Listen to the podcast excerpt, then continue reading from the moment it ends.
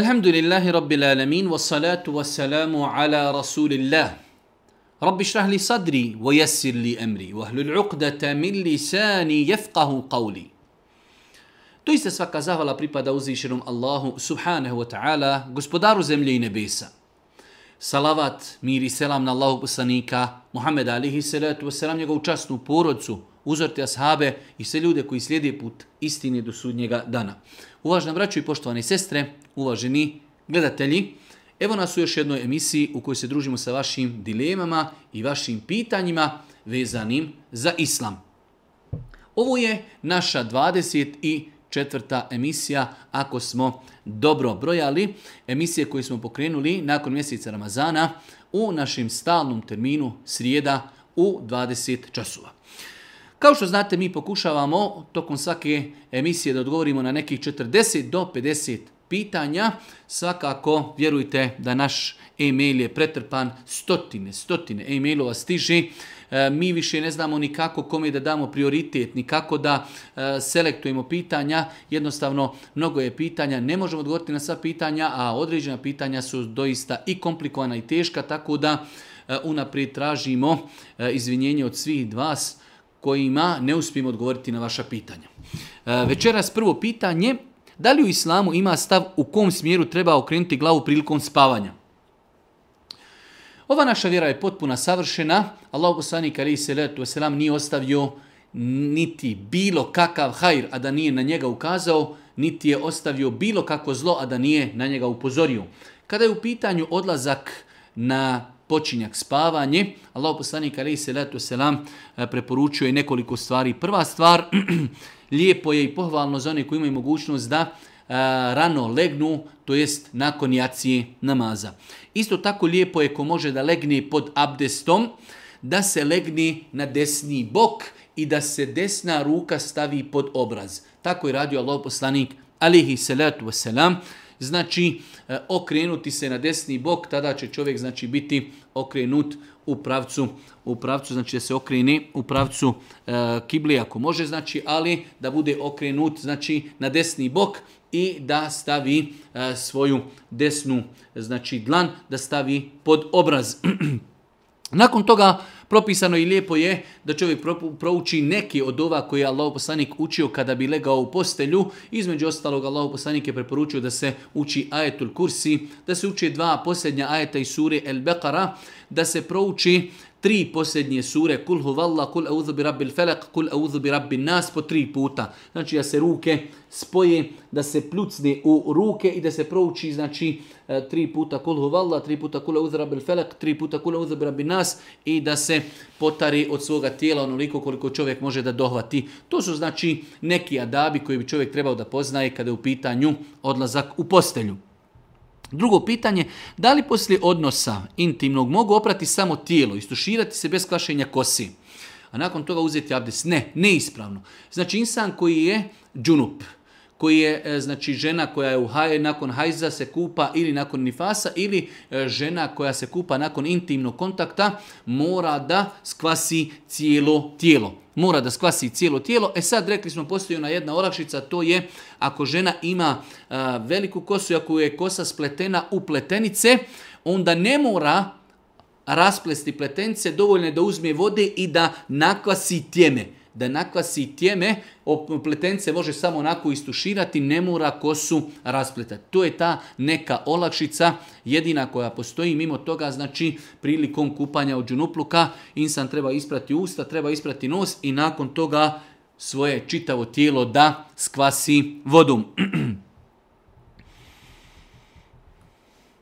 Pošto živim na zapadu, imam situacije eh, gdje na nekom poslu zahtijevaju da se skine mahrama. Da li je haram E, da li je haram to prihvatiti i tako dalje. Nošenje mahrame je stroga obaveza ženi muslimanki, tako da e, žena muslimanka treba na početku kada ide na razgovor prilikom e, traženja određenog posla da da do znanja da nosi mahramu, da je muslimanka i da znači ne prihvata uvjete skidanja mahrame zato što je to i vjerska stvar, a iz druge strane to je naše civilizijsko, civilizacijsko ili ljudsko pravo da žena nosi on, ono što misli da treba, pogotovo ako je to definiše njena vjera. Tako da, znači, žena koja traži zapošljenje treba da da do znanja da je muslimanka da nosi mahramu i da ne želi da prihvati uvjet otkrivanja, otkrivanja prilikom dolaska na posao. e, četvrto pitanje, Obavili smo obrezivanje sina, sunnećenje, i muž ne dopušta da se dijete odvede u džamiju ili da pozovemo efendiju kod nas pa da prouči dovu za dijete, da prouči ezan i kamet i tako dalje. E, u svakom slučaju ne postoji neka posebna procedura prilikom sunnećenja da mora doći neko učen, efendija, alim, daja ili bilo ko drugi pa da prouči neku posebnu dovu. Znači jednostavno e, sunnećenje je e, zaseban čin uz kojih se ne vezuje nikakva druga procedura od nekakvih dova, okupljanja i tako dalje. Ljudi mogu da se organizuju prilikom tog sunneta, da se okupe da zajedno ruče i da se možda neko čak i obrati, ali to ništa nije obaveza. Isto tako učenje ezana i kameta, znači uopšte nije uvjet da to uradi ajde da kažemo efendija ili neka druga učena osoba, učenje ezana i kameta je propisano da se prouči djetetu onda kada se tek rodi znači propisano po onima koji kažu da je propisano da se uči ezan i kamet, onda kada se tek dijete rodi, da mu se odma prouči ezan i kamet, a mi smo o tome više puta govorili e, da li je u osnovi propisano se uči ezan i kamet, ali oni koji kažu da je propisano učiti ezan i kamet, to se radi kada se tek dijete rodi.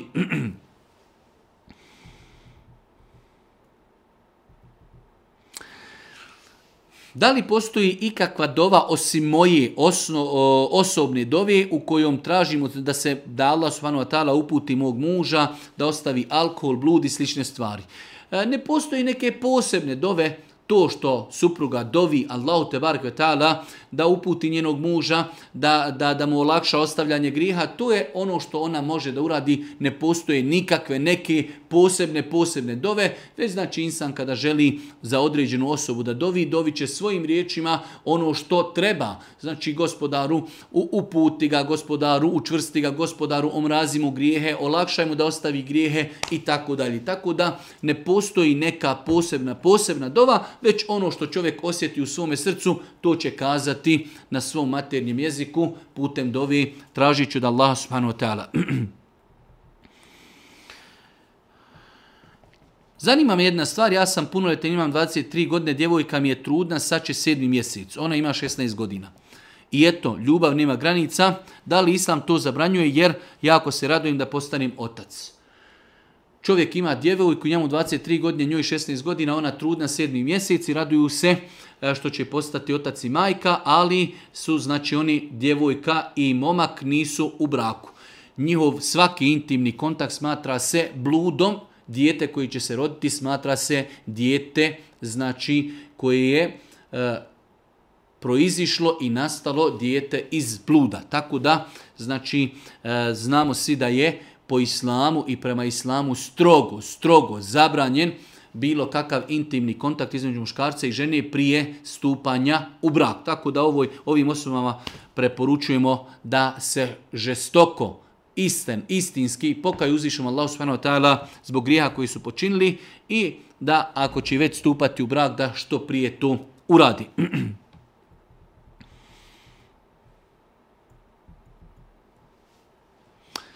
Imam dilemu oko jednog pitanja dok smo bili u braku i opštinski šerijatski smo se vjenčali, ali smo se poslije rastali. Rastali smo se općinski, a nismo šerijatski. Da li to predstavlja po islamu problem i trebamo li otići kod Efendije da nas on razvjenča, ta Efendija koji nas je vjenčao? Znači, pitanje je čovjek i žena kada su se uzimali, vjenčali su se i šerijski i općinski. Kada su se razvijali, razvijali su se samo općinski. Da li je to dovoljno? Nije dovoljno ne treba ići kod Efendije da Efendija razvede ženu i muža koji su bili u braku. Razvod braka je, kao što kažu islamski učenjaci, u ruci muža. Tako da muž treba da izrekni taj razvod. Ako se već muž i žena dogovorili, muž želi, želi da razvede ženu, mora on to jasno kazati, razvodim svoju ženu, ženo razvedena si. Od ovog momenta smatraj da si razvedena, ja te razvodim. Tako da islamski učenjaci kažu općinski razvod nije dovoljan, već muž treba jasnim izrazom da svojoj ženi kaže ženo od ovog momenta više nisi moja supruga, ja te razvodim. To je znači ono što je potrebno. Možete li mi precizno objasniti klanjanje džumi namaza i podne namaza iza džumi? Džuma namaz se sastoji od dva rekiata, nakon džume se može klanjati dva ili četiri rekiata, znači shodno hadisma Božeg poslanika, da li u džami, da li kod kući. Klanjanje podni namaza nakon džumi namaza nema nikakvo, nema nikakvo utemeljenje, tako da nema nikakve potrebe da se nakon džume ponavlja podni namaz, onaj ko želi da praktikuje sunet Božijeg poslanika, može klanjati dva rekiata ili četiri rekiata u džamiji ili kod kuće. Prije džume namaza, znači čovjek može klanjati tehijetul mesičić, sjesti, učiti Kur'an, zikriti, a može klanjati i više. Znači dva po dva, dva po dva, sve dok ne počne džuma namaz.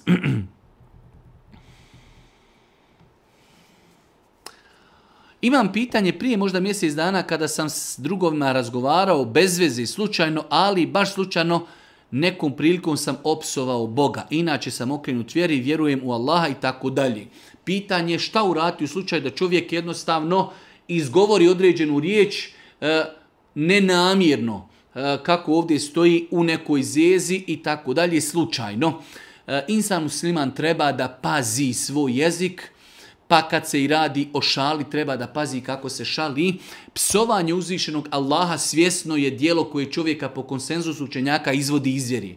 Psovanje Allaha, zapamtimo večeras, svjesno da čovjek opsuje Allaha i uvrijedi ga, to je dijelo koje po konsenzusu islamsu učenjaka čovjeka izbacuje iz islama. U ovom slučaju, pošto ovdje baš vidimo, kaže čovjek, radi se o čovjeku vjerniku, da je to bilo, znači, kao što je spomenuto, bezvezno, slučajno, nije čovjek to ni, ni namjeravao, naš savjet je da insan se pokaja Allah s.w.t. zbog grijeha kojeg je počinio, da se odluči, da se čvrsto odluči da neće više te stvari raditi i da se znači mnogo više trudi u pogledu kon, eh, kontrolisanja svoga jezika, šta jezik govori da ne daj Bože taj grijeh se ponovo ne ponovi i nadamo se inšala da je to dovoljno u ovom slučaju.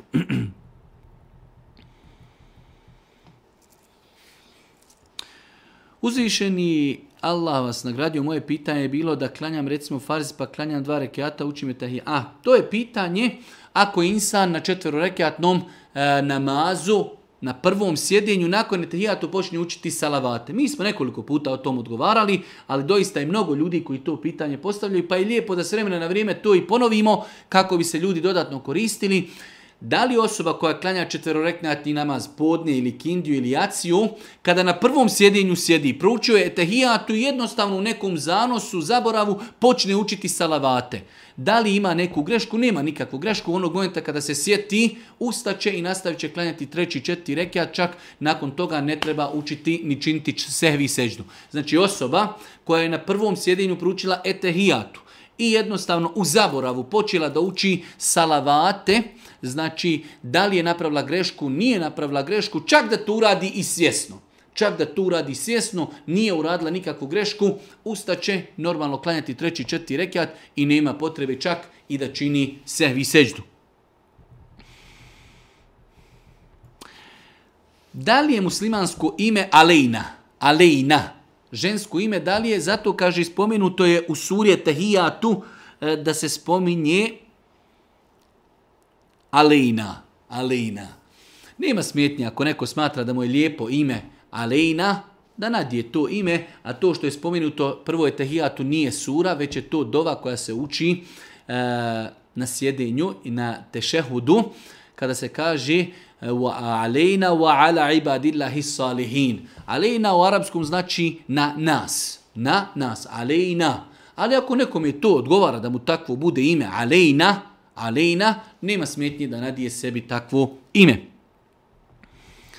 Da li žena u hajzu može da uči Kur'an i dotiče musav sa rukavicama?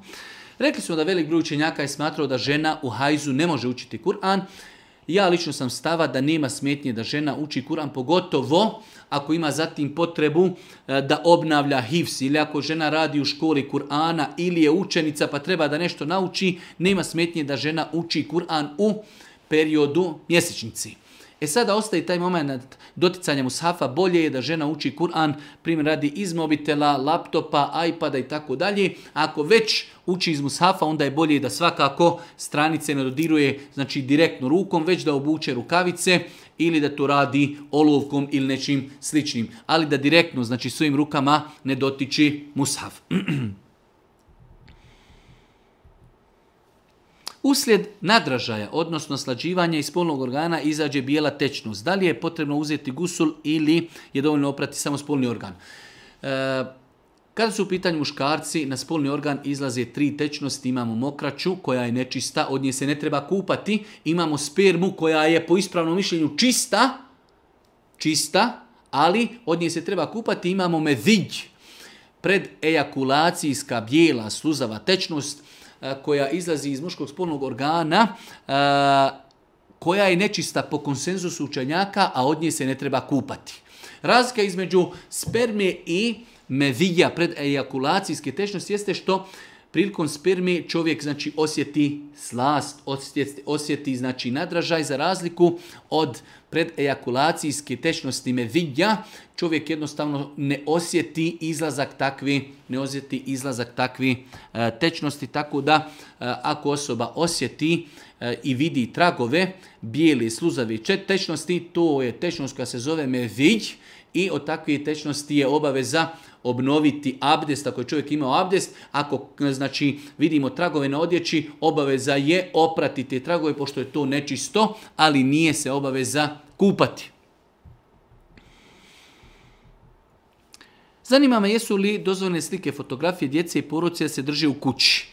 Rekli smo, ako su u pitanju fotografije koje su napravljene, e, znači e, mobitelom uslikane, a ne da neko slika, da neko crta, ako je neko ima sliku koja je urađena mobitelom ili fotoaparatom, pa ima tu sliku isprintanu da je čuva u nekom albumu, u albumu slika ili u nekoj latici ili u nekom časopisu, a ne da je stavlja na zid, nadamo se, nadamo se inšala, to nije sporno. Selam aleikum, ako je, e, ako je grije slušati muziku, da li je grije biti pjevač? E, očito dva pojma koja velik broj ljudi ne razumije. Slušati muziku je zabrajeno po mišljenju četiri mezheba. Slušati muziku je zabrajeno po mišljenju četiri mezheba. Pjevanje je dozvoljeno ako nije popraćeno muzikom. Da čovjek sjedne u svojoj kući i da nakon malo sebi zapjeva pod uvjetom da u tekstu pjesme nema ništa loše. Znači, u islamu je zabranjeno slušati muziku po mišljenju četiri mezheba. Dozvoljeno je pjevati bez muzike ako u pjesmi nema ništa loše. Ako pjevamo uz muziku, onda smo znači objedinili da jednostavno e, radimo tu stvar koja je dozvoljena uz haram, znači pjevanje uz muziku. Ako samo pjevamo bez muzike, nema u tome ništa sporno, ali tekst pjesme treba da bude ispravan. Pa znači pravimo razliku između dvije stvari, muzika je nešto, pjevanje je nešto drugo. Pa možemo pjevati da čovjek sjedne i zapjeva neku sevdalinku, u tome nema ništa sporno, bitno je da je tekst e, ispravan. E, ako čovjek pjeva uz muziku, tada je to zabranjeno zbog muziki.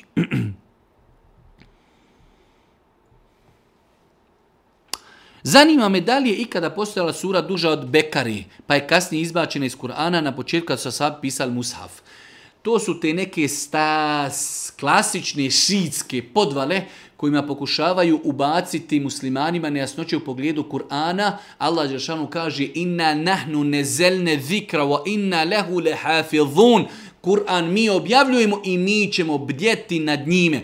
Kur'an je znači sačuvan apsolutno svaki harf, od početka do kraja Kur'ana, tako da su to samo šubhe, nejasnoće koje e, zabludjeli sekte u islamu, nažalost, znači pokušavaju da određenim muslimanskim populacijama ubace ubaci nejasnoće u pogledu tog pitanja, nije tačno, to je notorna laž izmišljotina da je postojala sura koja je bila duža od suri Bekara i da je nisu vrstili u mushaf. Mi muslimani znači vjerujemo i nije dozvoljeno smatrati da jedan samo harf u Kur'anu nije tačan, a kamol da kažemo da nedostaje cijela sura. Da li mogu dati zekat svojoj tetki, sestri od majke koja je ostala bez muža? Može. Nema nikakve smetnje da čovjek dadne svojoj tetki sestri od majke zekijat ako ona ispunjava uvjete da znači potpada pod termin siromaha. S aspekta rodbinske veze ima pravo, ima mogućnost da joj da zekijat, jer smo rekli zekijat se u osnovi kada je u pitanju rodbina ne daje samo uzlaznoj i silaznoj lozi, kada je u pitanju sestra od majke tetka, nema smetnje da čovjek da svojoj tetki zekijat pod uvjetom da je siromašna i da znači je potrebna toliko siromašna da nema dovoljno redovni mjesečni primanja da može živjeti normalnim prosječnim životom u vremenu i prostoru u kojem se trenutno nalazi.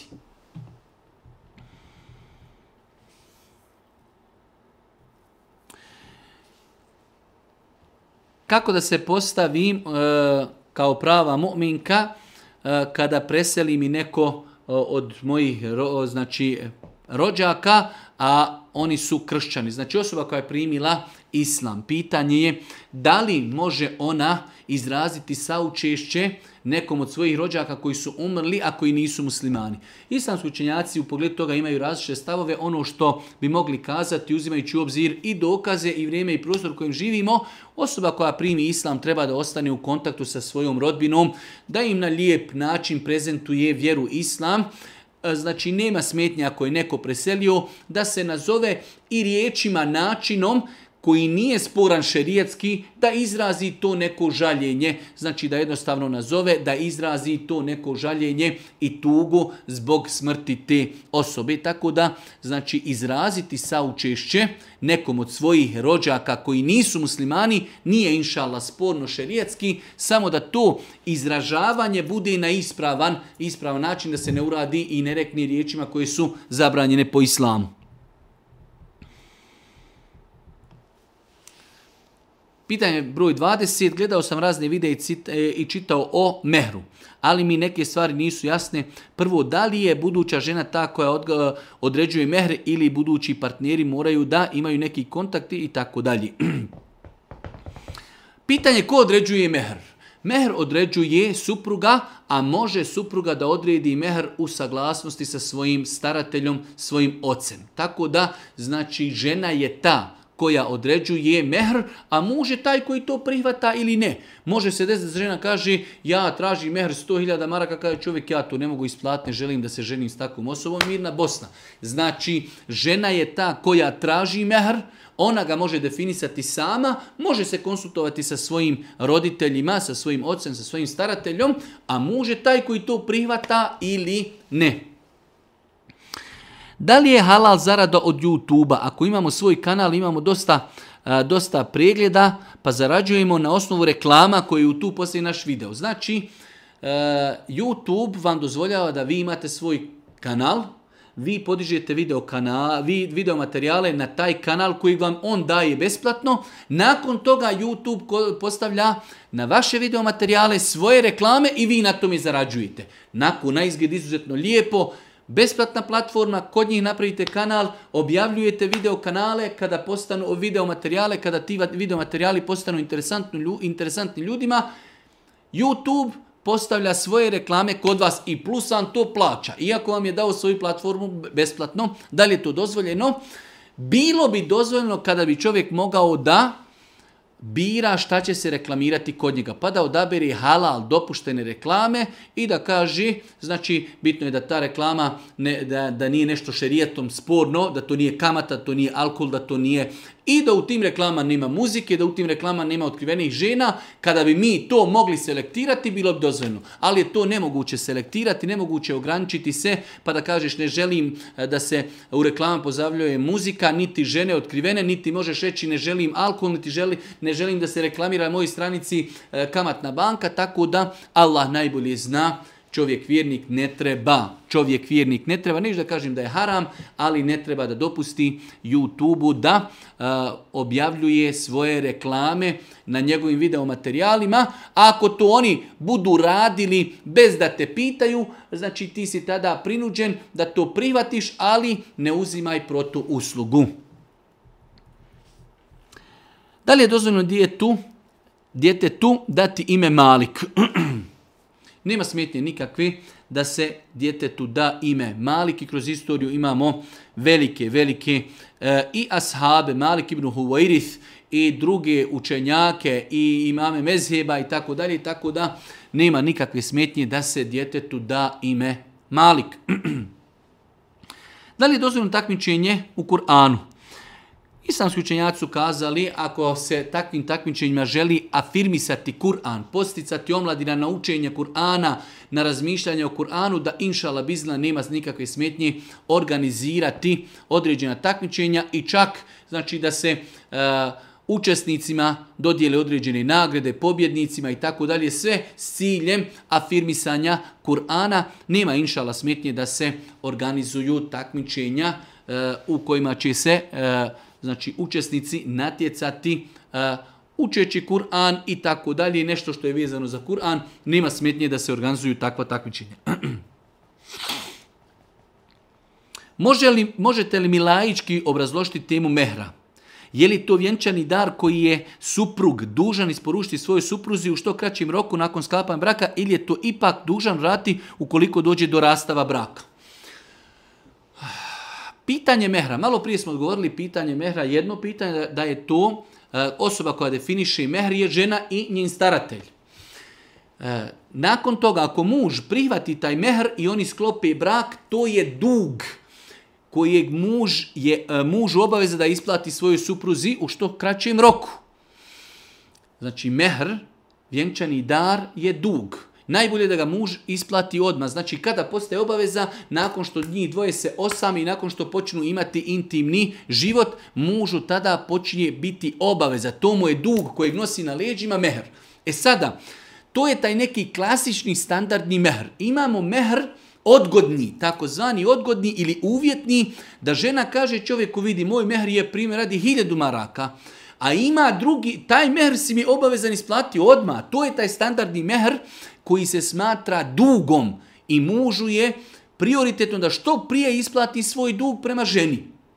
Ima drugi mehr koji je ispravan širijetski da se kaže mužu a ako dođe do razvoda braka, dužan si mi isplatiti hiljadu, dvije, tri ili onoliko koliko oni prihvati. Ako muž prihvati dvije vrste mehra, onda mu je to obaveza da ispuni. Pa prvi mehr, to je taj klasični standardni mehr, od momenta kada se čovjek osami sa svojom suprugom imaju intimni kontakt, od tada mu počinje biti obaveza i treba ga što prije isplatiti. Ako je žena uvjetovala mužu taj drugi drugu vrstu mehra i kazala, ali ako dođe do razvoda braka isplaćeš mi toliko, ako on to prihvati, onda taj drugi mehr mu je obaveza samo ako dođe do razvoda braka. Imam želju da naučim arapska slova, ali mi, ali mi je to toliko komplikovano, vezivanje harfova, slova i tako dalje. Zanima me da li je farz svakog muslimana ušte arapska slova. U svakom slučaju, insanu je obaveza da ispravno izgovara fatihu i ono što mu je potrebno da bi ispravno znači e, obavljao svoj namaz. Tako da to se može postići na način takozvani teletri, da čovjek od nekoga sluša i on ponavlja za njim, a on ga koriguje u pogledu izgovora određenih, određenih harfova ili da čovjek to nauči tako što će se podučiti harfovima i onda će sam znati, znači prepoznati i izgovarati te harfove. Tako da, znači obaveza je muslimanu da ispravno se poduči izgovoru, pogotovo fatihe i oni zikrova koji se uči u namazu, da bi njegov namaz ako Bog da bio validan i ispravan. To može postići, znači, metodom telekija, da to od nekoga sluša i on ponavlja, a ovaj mu ukazuje na greške izgovora dok ne bude izgovarao ispravno ili će to naučiti na način da nauči arapska slova i da onda on sam čitati zikrove.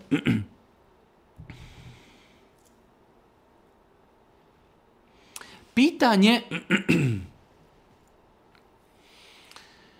Zna mi se desi da klanjam neki od namaza i prije kraja namaza mi se desi sumnja jesam li proučila suru od navedenih obaveznih sura ili nisam. Kako postupiti? Situacija da osoba pred kraj namaza dođe u sumnju da li je proučila određenu suru u namazu ili nije.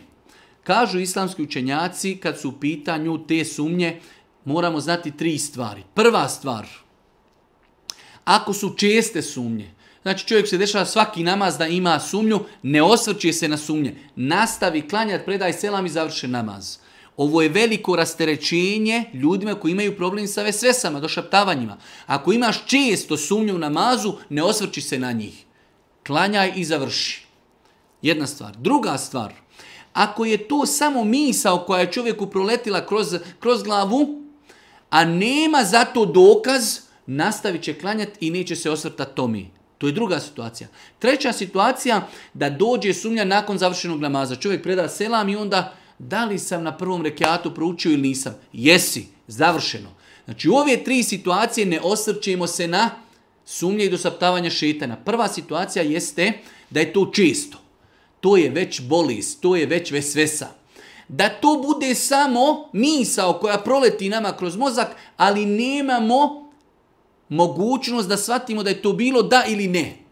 I treća situacija, nakon obavljenog ibadeta sumnje, ne osrčimo se. Ostaje situacija da čovjek zaista shvati, posumlja i jednostavno dokući, razmišljajući, a to je veoma teško i rijetko, da je doista preskočio fatihu. Ako je preskočili suru u namazu, mimo fatihe, namaz ispravan, nema smetnje nikakvi. Govorimo o slučaju ako bi bio siguran, posumnjao je i shvatio je da je propustio fatihu na nekom od rekiata, tada će ustati na onom mjestu gdje je zaboravio fatihu, proučit će fatihu i nastavit će do kraja namaza. Ali pazite, ne radite ovo zadnje dok ne uradite ove prethodne tri stvari, ljudi koji imaju često došaptavanje, znači da li si ovo zaborio, da li si rekao, nisi rekao, ne osvrćite se na to, samo nastavite obavljati namaz. Ako je to samo bila misao koja je proletila kroz vas, vaš mozak, nemate mogućnost da to potvrdite i dokažete, ne osvrćite se ni na to. Ako je to bilo nakon ibadeta, nemojte se na to osvrtati. Ako zaista dođe vam sumnja i onda shvatite da je to se desilo, Govorimo o fatihi, o surama mimo fatihe ne govorimo jer su one znači, sunnet je proučiti, Ako zaista shvatimo da smo zaboravili fatihu na nekom rekiatu, vraćamo se na taj dio namaza, proučit ćemo fatihu i nastaviti klanjati ono što treba, što smo znači ostali nakon tog mjesta gdje smo bili napravili grešku. Pa ako se desilo smo, na primjer, ne daj Bože, zaboravili Fatihu na trećem rekiatu, ustaćemo kao da smo na trećem rekiatu, učimo Fatihu i nastavljamo dalje do kraja namaza.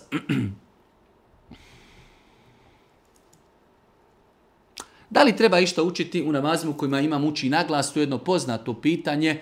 U fikhu u kojim se ulema žestoko razilazi, ja sam stava da čovjek kada klanja u namazima u kojima imam uči naglasa, to je saba, akšam i jacija na prva dva rekiata, neće učiti fatihu, već će slušati učenje imama. Postoji žestoko razilaženje, postoji jako mišljenje učenjaka da čovjek nakon što imam završi fatihu, da će proučiti fatihu, bez obzira što je on muktedija, što je klanjač iza imama. Ja sam stava da nakon toga će imam, nakon fatihe učiti neku suru, da treba učiti ono što imam uči. Allah on kaže, a kada se Kur'an uči, فَإِذَا قُرِيَ الْقُرْآنُ فَاسْتَمِعُ لَهُ وَأَنْسِتُوا kada se Kur'an uči, vi pažljivo slušajte. E, e, određeni imami su spomenuli da se ovaj ajet prvenstveno odnosi na učenje u namazu. Znači imam kada u namazu uči fatihu mi slušamo. Završi fatihu, on će početi nešto drugo učiti, mi ćemo slušati šta on uči, a nećemo mi učiti fatihu. Naime, sestra mi je nesretnim slučajem izgubila sina u 16. godini i tako dalje samim tim već dvije godine redovno obilazimo mezar, te ga redovno sa mužem čistimo. Pitanje da li je dozvoljeno održavati mezarje. Nema smetnji da čovjek e, očisti kabur ali isto tako e, paziti se da ne ode, da ne ode u jednu drugu krajnost, a to je da ne počne saditi cvijeće, graditi nešto, već da čovjek dođe da uzme grabljice, da uzme možda kosu, da pokosi znači travu, da to lijepo pograbi, to je ono što čovjek može to je ono što čovjek može da uradi, da ne dozvoli da se pojavi neko e, drvo, trnje, korov i tako dalje. To je ono što čovjek može da uradi i nema inšala nikakve smetnje da se znači e, kaburovi čiste, da se održavaju, nema nikakve smetnje, ali bez ikakvog znači betona, gipsa, bez ikakvih cvijeća, bez ikakvih vazna, te stvari znači nisu propisane. Ukoliko žena želi da stavi nikab, a muž je protiv toga, smatra da je hijab dovoljan, da li će ga ona poslušati ili ne? Mislim da smo već jednom ili dva puta odgovarali na slična pitanja. U svakom slučaju, ja smatram da nošenje nikaba ženi u osnovi je sunnet. Žena koja nosi elhamdulillah, pokrije se, nosi mahramu, nosi džilbab širok, da inšala bizna nije griješna što tako izlazi na ulicu. Svakako, nositi nikab je jedna dodatna stepenica, jedan dodatni sevap. One žene koje mogu, koje imaju uvjete, treba da pokriju svoja lica ali ako u datom momentu žena živi u takvoj situaciji da muž jednostavno nije došao na taj nivo, da razumije taj njen propis, ako bi stavljanje tog nikaba e, moglo uzrokovati određene nesuglasice, ja preporučujem da žena ostane na tome da posluša svoga muža, da ne nosi nikab, ali u svemu tome da radi na tome i da ga moli, i da ga podstiči, i da sa njim razgovara, da mu da do znanja da i dalje želi, da mašta, da, da nosi nikab i uz Allahu pomoć, Allah Želšanu će otvoriti njegovo srce da to svati. Da li je propisano, odnosno e, odjevenoj ženi, da li je dozvoljeno da vozi bicikl? Može li se to e, komparirati sa jahanjem devi? Išitavajući fetve islamskih učenjaka vidjeli smo da su kazali da nema smetnji u osnovi da žena vozi bicikl, to je nešto što je osnova propisa. Kao što su žene za vrijeme Božijeg poslanika jahale deve, ali je velika razlika da žena koja sjedi na devi, sjedi na devi i tako je deva nosi, pogotovo ako ona devi ima onu nosiljku gdje niko ne vidi, a razlika je žena koja je na biciklu i koja okreće pedale, vjetar puše, oslikava njeno tijelo, tako da pitanje je sigurno kompleksno.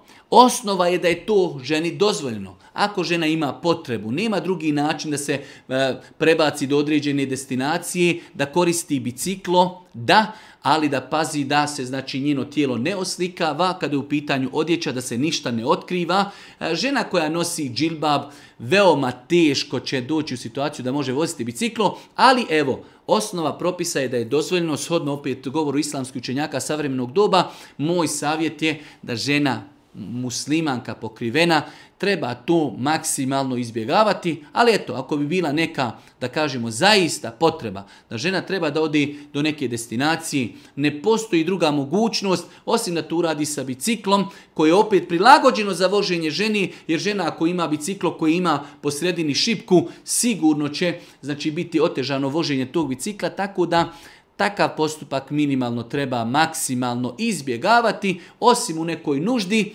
ali opet paziti znači da se ne ocrtavaju konture ženskog tijela prilikom voženja bicikla.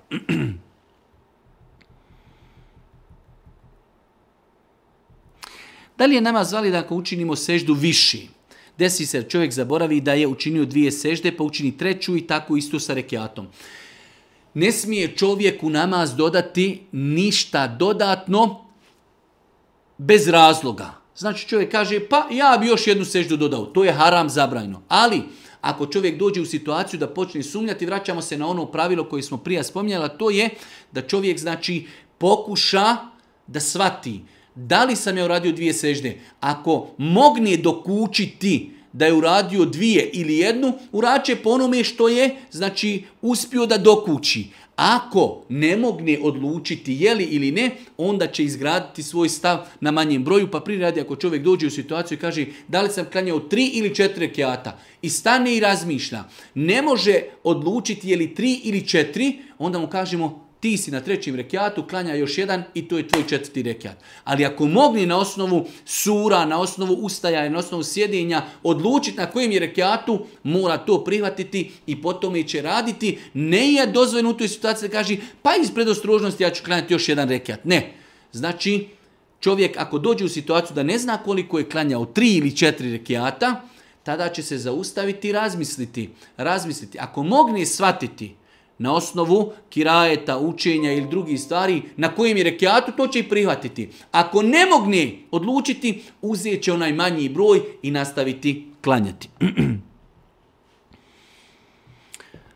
Ako pjevam neke pjesme sa lijepim tekstom ili sedalinke, a ne, a ne u društvu, nego jednostavno dođe čovjeku tako da zapjeva, je li to Grijeh nije grijeh, rekli smo malo prije da čovjek nako u sebi zboksuje malo da zapjeva neku sevdalinku koja nema ništa sporno u svome tekstu, a ne uz muziku, da nako malo zapjeva, nema ništa u tome sporno. Odakle su meleki, odakle su znali meleki da će ljudi ili namjesnici na zemlji ne činti krv proljevati. Imamo u suri El Bekra i na drugim mjestima Allah Žešan spominje kada je rekao ljudima stvorit ću namjesnika na zemlju, oni su kazali, a zar da stvoriš namjesnika onoga ko će na njoj krv proljevati, pa je pitanje kako su to meleki znali. Nema potrebe da u, ta, u te detalje ulazimo, mi vjerujemo da je Kur'an apsolutna istina. Ovo nam je mnogo lakši i jednostavniji odgovor. Sve što u Kur'anu piše je istina i samo to treba prihvatiti. Mi prihvatamo da se taj događaj desio razgovor između uzvišnog Allaha i Meleka da je on njima rekao da će stvoriti namjesnika na zemlji, a oni su mu kazali, a zar će stvoriti namjesnika na zemlji onoga koji će na njoj krv proljevati i nerečiniti. To je se zaista desilo. Kako su oni znali? Allah subhanahu najbolje zna. Ima odgovor. Mufesiri su to spomenuli, ali ja ne želim da otvaramo ta, otvaramo ta vrata, a zašto je zabranjena svinjetina, a dozvoljena junetina? A zašto klanjamo četiri, a zašto klanjamo tri? Zato što je tako naređeno. Mi vjerujemo da je Kur'an apsolutna istina, prihvatamo da je tako se desilo, Allah Đeršanu je razgovarao sa melekima, kazao im je da će stvoriti namjesnika na zemlji, oni su mu kazali, a zar će stvoriti na zemlji namjesnika koji će činiti nered na zemlji i proljevati krv. To se tako desilo, to prihvatamo, u to vjerujemo i završena stvar.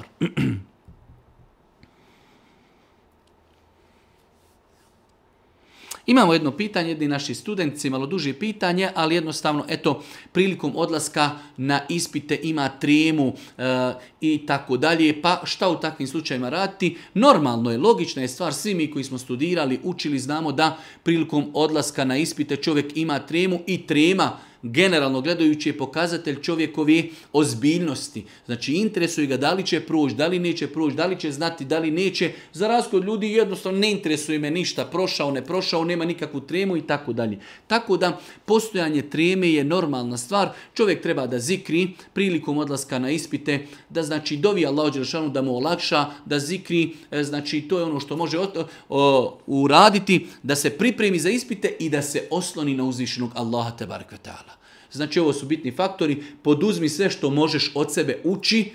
Kada kreneš na ispit, osloni se na uzvišnog Allaha a ne na svoje znanje. Moli Allaha u dovama da ti olakša i prilikom odlaska na ispit spominje, spominje Allah čini istikvar, donosi salavate na Božeg poslanika i to je ono što čovjek može da uradi.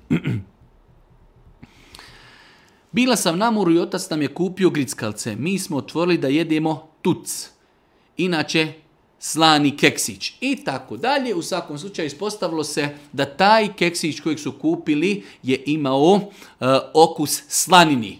Takva neka vrsta keksa sa okusom slanini, ali su ljudi već probali po jedan keksić u neznanju. Pa je pitanje šta da urade, ništa. Čovjek šta god da uradi u neznanju nije griješan. U ovom slučaju neko je kupio keks probao, osjetio da nije dobro, pročitao, vidio je da ima to oku slanine, bacio i mirna Bosna. Znači čovjek kada nešto uradi iz neznanja, onog momenta kada sazna treba da zaustavi i nije griješan ako Bog da za ono što je uradio.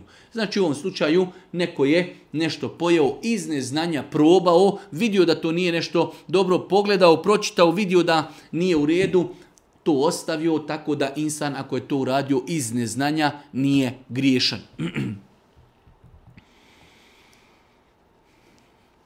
Pitanje, kaže moja majka je prije nekoliko dana preselila od covida. Hođa nije dozvolio da se gasuli već je sahranjeno onako kako su je predali iz bolnice u vreći. Pitanje je sada ženu to kopka, e, šta je u svemu tomi. E, ovo je završena stvar. Znači u ovakvim slučajevima Allah najbolje zna, insan treba da se boji Allaha koliko može.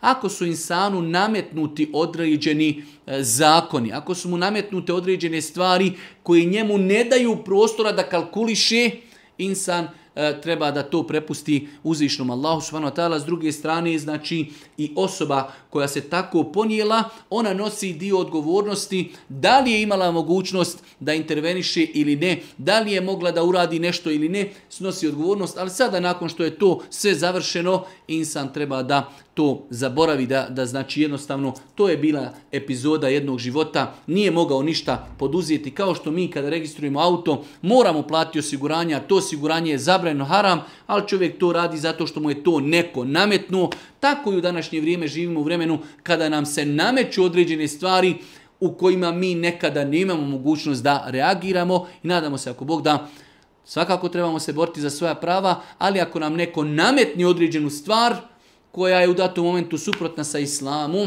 mi se nadamo da nećemo biti griješni zbog toga.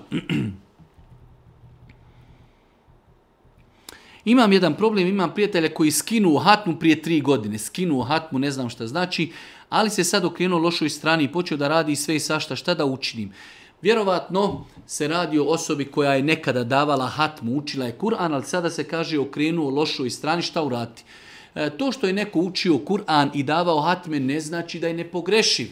I takve osobe mogu zapasti u neku e, loš period, loše društvo, početi činiti grijehe. Šta mi možemo urati? Možemo ih savjetovati. Možemo im dati do znanja da to što rade nije dobro, da društvo s kojim se druže nije dobro, da grijehe koji rade nije dobro, da ih jednostavno pokušamo vratiti. To je ono što mi možemo, možemo za njih dobiti Allah te da ih zaštiti i sačuva i da ih na lijep način savjetujemo. To je ono što mi možemo uraditi. Da li začita djeca čiji je život prekunut spontanim ili čak namjernim povaćajem ulazi u džennet?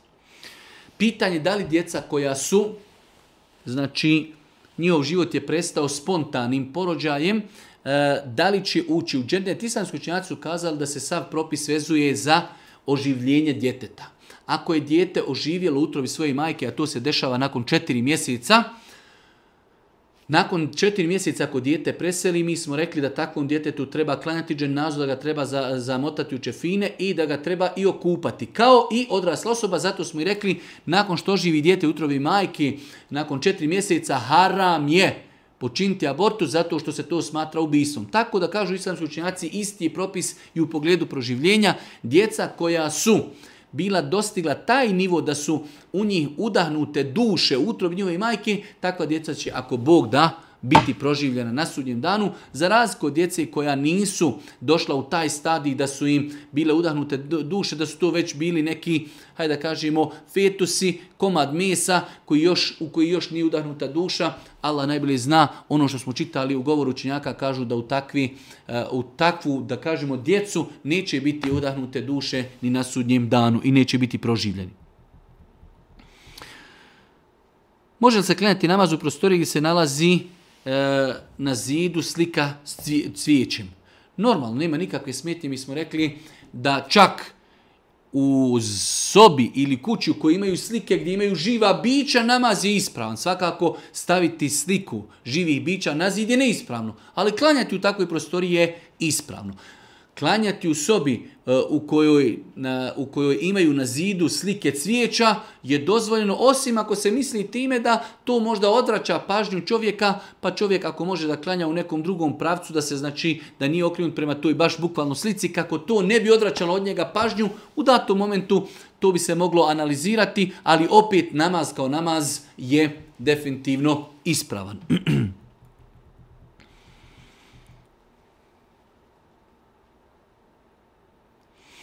Da li se poslije džumi namaza mogu klanjati i podni namaz? Već smo odgovorili na to pitanje. E, poslije džumi namaza se klanjaju ili dva ili četiri kjata sunneta, klanjanje i ponavljanje podni namaza nakon džume nema nikakvo utemeljenje. Šta znači termin pretjerivanje u vjeri? Pretjerivanje u vjeri je veoma bitna stvar da čovjek razumije Prvo, Islam podstiče insana da se što više izgrađuje i što više usavršava u svakom pogledu i svog govora i svojih postupaka i svog ibadeta i svoje iskrenosti prema Allahu da žudi ka savršenstvu. Ali ima nešto što je pokuđeno, a to je pretjerivanje. Kao što je došlo u Madisu kada su došla ona trojica Sava Božijem poslaniku, pa jedan od njih kaže ja ću od sada uvijek po cijelu noć klanjati noći namaz. Ovaj jedan kazao ja se neću ženiti, ovaj jedan je kazao ja ću neprestano postiti i tako dalje. To je pretjerivanje, da uzmemo dijelo koje ima u vjeri, ali ga mi činimo na način kako ga ne propisuje vjera. Pa čovjek kaže ja ću svaku noć klanjati. Nemoguće je svaku noć klanjati i po cijelu noć već čovjek klanja sat, sat i pol, pola sata i legne spavati. Pa je pretjerivanje u vjeri da čovjek radi dijelo koje ima osnovu u vjeri, ali više nego što je propisano. Pa je to jedan vid pretjerivanja u vjeri. Isto tako, prekomjerno istraživanje, ispitivanje je pretjerivanje u vjeri. Isto tako, obavezati se uzimati uvijek najstrožija mišljenja bez analize dokaza. Daj mi nešto najčvršće, daj mi nešto najžešće, bez analize dokaza isto tako može potpasti po termin pretjerivanja, pretjerivanja u vjeri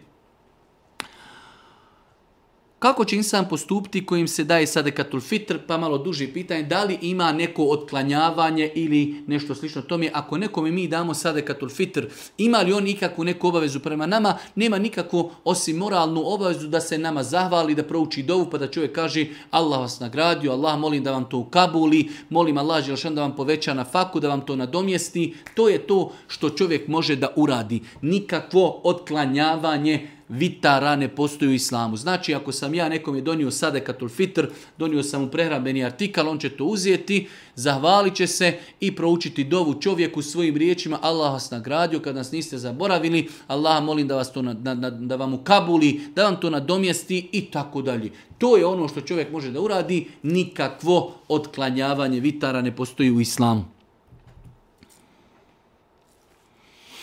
Da li je dozvoljeno voziti auto sa sjedištima od svinjske kože, nositi cipele, jaknu svinjske kože? Svinja kompletna je nečista. Svinja kompletna je nečista. Tako da i njena koža nečista. Vodila je se jaka rasprava među islamskim učenjacima da li se može e, očistiti koža svinska štavljenjem. Allah najbolje zna da je ispravno mišljenje da se ne može koža svinska očistiti štavljenjem jer je to nešto što je u osnovi nečisto. Nije to nešto što je čisto pa da bi ga mi znači, uzeli oprali pa ga očistili. To je u osnovi sam dotic, dodirivanje bilo kojeg dijela svinjetinje je nečisto tako da po mišljenju velikog broja islamskih učenjaka, znači čak štavljenjem kože, svinska koža i dalje ostaje e, nečista, tako da samim tim bilo koji je znači doticanje svinske kože ili konzumiranje te kože u smislu da čovjek nosi jaknu, da nosi cipele, pa čak i znači sicevi u autu, treba to znači da čovjek ne radi. Zanima je propis e, obilaženja rodbine s kojom rodbinom baš moramo održavati kontakt i koju rodbinu moramo posjećivati. Pitanje je e, da smo već nekoliko puta na to pitanje odgovarali. E, Postoji različita mišljenja u pogledu toga koja je rodbina koju moramo mi obilaziti. Ne postoje jasno precizirani dokazi koji ukazuju koja je rodbina koju mi moramo obilaziti da bi potpadli pod termin čuvanja rodbinskih veza, pa smo kazali da rodbina što nam je bliža, naš otac, naša majka, naša djeca, naši djedovi, naše amiđe, naši, e, naše dajđe, naše tetke i tako, i tako dalje. Što je rodbina bliža, obaveza čuvanja rodbinskih veza je veća, što se rodbina više odaljava i što je više znači krv razljevena što kažu i što je više koljena otišlo, sve je ta obaveza, sve je ta obaveza manja.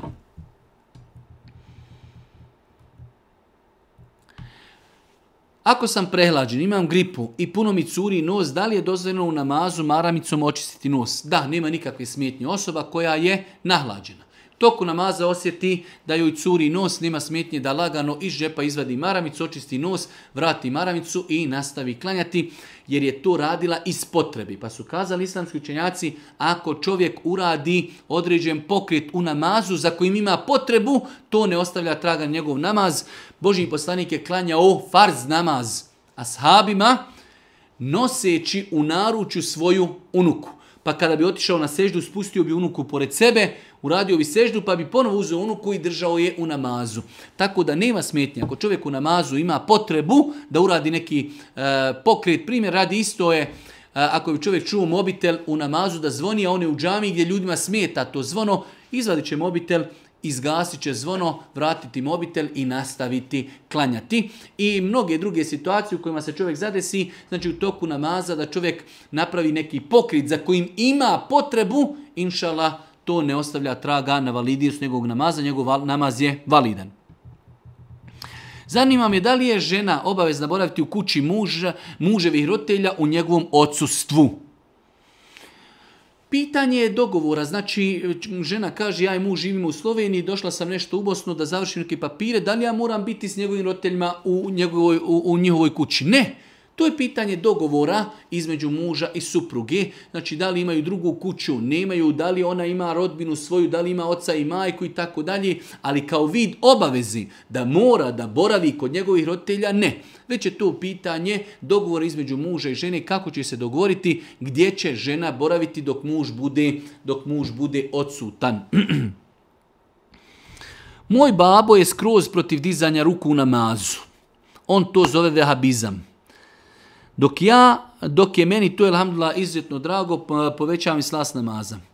Ali pošto se roditelji trebaju slušati šta da radim, da li da dižem ruke ili ne. E, to imamo nekoliko stvari. Pogledajte da insan može toliko biti neznalica. Slobodno to smijemo kazati i toliko može biti nafilovan pogrešnim ubjeđenjima da čovjeku smijeta što neko diži ruke. Znači hadisi koji govore o dizanju ruku su zabilježeni kod Buharije i muslima od Ibnu Omera da je Boži poslanik u namazu tri puta dizao ruke mimo početnog namaza. U redu, evo ja to ne praktikujem, ja sam hanefijskog mezeba, ali gdje to mogu mrziti, gdje to mogu nekom zabranjivati? To nam ukazuje koliko i koliko imamo neznanja, koliko nemamo tolerancije pa ljude treba podučavati, bez obzira što smo mi hanefijskog mezeva, ljudima treba kazati kada odete u Meku, kada odete u Medinu, da li vam smeta što neko diži ruke. Isto tako vam ne smije smetati to što je neko odabrao drugo mišljenje, koje ima dokaze u hadisima Buhari i muslima da je Boži poslanik dizao ruke. Evo, mi ne dižemo ruke, ali taj čovjek diži. Što nam to? Što nam to smeta? Pa je to s jedne strane, ali s druge strane to ukazuje na neznanje tog insana, Dizanje ruku u namazu je sunnet. Ja lično bi preporučio da insan u momentu kada ga roditelji vidi, ako živi s njima u njihovoj kući, kada ga oni vide da ne diži ruke, kada je negdje ga oni ne vidi ili ako ima svoju kuću, kada klanja kod svoje kući, da svakako diže ruke, ali onda kada ga oni vide, ako to njima zaista smeta, iako je to pokazatelj njihovog neznanja i njihove netolerancije, ali bolje je da to čovjek ostavi kako ne bi zbog tog suneta, hajde da kažemo, iritirao i ljutio svoje roditelje. Zanima me da li dječje igračke sprečavaju ulazak meleka u kuću. Dječje lutkice, bebice i tako dalje. Da li to potpada kao da su kipovi i slike? U svakom slučaju jedno savremeno pitanje da li prisustvo dječjih igrački koji su u obliku životinja ili u obliku ljudi sprečava ulazak meleka u kuću? Allah najbolje zna, znači postoji razilaženje kod učenjaka, jako je razilaženje. Allah poslanik jedne prilike je, je znači, e, pitao Aishu jednoj igračci koja je bila kod nje u kući, pa je ona kazala da je to konj koji ima svoja krila. Pa je Allah poslanik to odobrio. Definitivno te lutke i te igračke u to vrijeme nisu to igračke koje mi imamo danas. Ali je u jednu ruku Božji poslanik e, bio tolerantan u pogledu tih igrački koje su bile prisutne e, u to vrijeme kod djece, Tako da Znači, generalno gledajući islam e, i dokazi islama u pogledu djece su tolerantniji nego u pogledu odraslih osoba. Tako da, Allah najbolje zna, danas po mom nekom skromnom mišljenju, veoma je teško sačuvati se od takvih stvari da čovjek izbjegava e, određene figurice, određene, znači kad su u pitanju igračke za djecu, neki vojnici, neki likovi iz nekih crtića, neke bebice, neke barbike i tako dalje, tako da e, ja lično sam stava da to inšala bizna nije zabranjeno. Ako bi neko sebi uzeo to neko mišljenje kaže zabranjeno i ne treba, znači ja lično smatram da je danas izuzetno teško živjeti i izbjegavati takve stvari.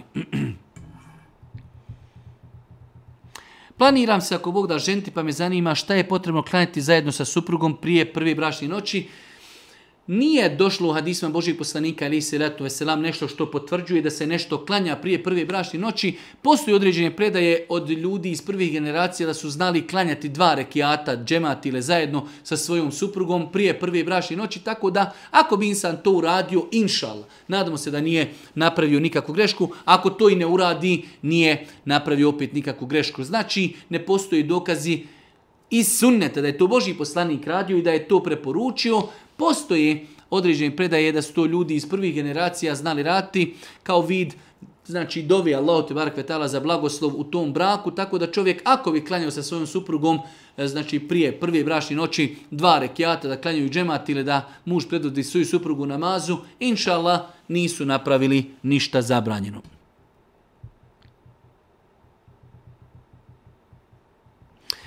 Ako je neko vlasnik kradnje gdje se između ostalog prodaje alkohol, a ta osoba želi da financira izgradnju džamije, da li se može ista napraviti u tih para? Prodaja alkohola je zabranjena i pare steknute na taj način su haram za osobu koja je to prodala. U islamu postoje dvije vrste harama. Imamo haram lično. Svinjetina je lično haram, ona uvijek je haram. A imamo drugi haram koji je haram zbog sticanja. Pa para koju mi dobijemo od alkohola sama, para, ne može para biti haram. Već je ona stek, e, steknuta na haram način. Tako da insan koji ima prodavnicu u kojoj ima alkohola, njegovi artikli u prodavnicu možda 98% halal, dopušten je 2% je alkohol i možda duhan i cigare. Da li zbog ta 2%, 5% manje ili više odbijemo njegovu donaciju koju daje za džamiju? Ne. Kažu islamski učenjaci, pošto to nije haram koji je lično haram. Kada nam čovjek donio e, svinjetu i kaže, e ovo je za džamiju. Mi to ne možemo prihvatiti jer je to nečisto samo po sebi. Pare koji nam on daje jesu zarađene dio njih na haram način, ali je to njemu haram. On nama te pare daje, daje nam i kao donaciju, tako da nema nikakve smetnje da se uzme, pa i kad se radi za izgradnju džamije. Ovo nije nikako rastezanje i natezanje vjerije, niti je ovo odobravanje harama. Rekli smo na početku, prodavati alkohol je haram. Haram je tom čovjeku što je to tako stekao, ali on nakon toga taj novac daje dobrovoljno u neke dobrotvorne svrhe. Da li se to može uzeti, pogotovo ako znamo da je to procentualno ne prelazi više od 5, maksimalno 10%, kažu islamski učenjaci da nema smjetnje da se takav novac uzme u bilo koje svrhe.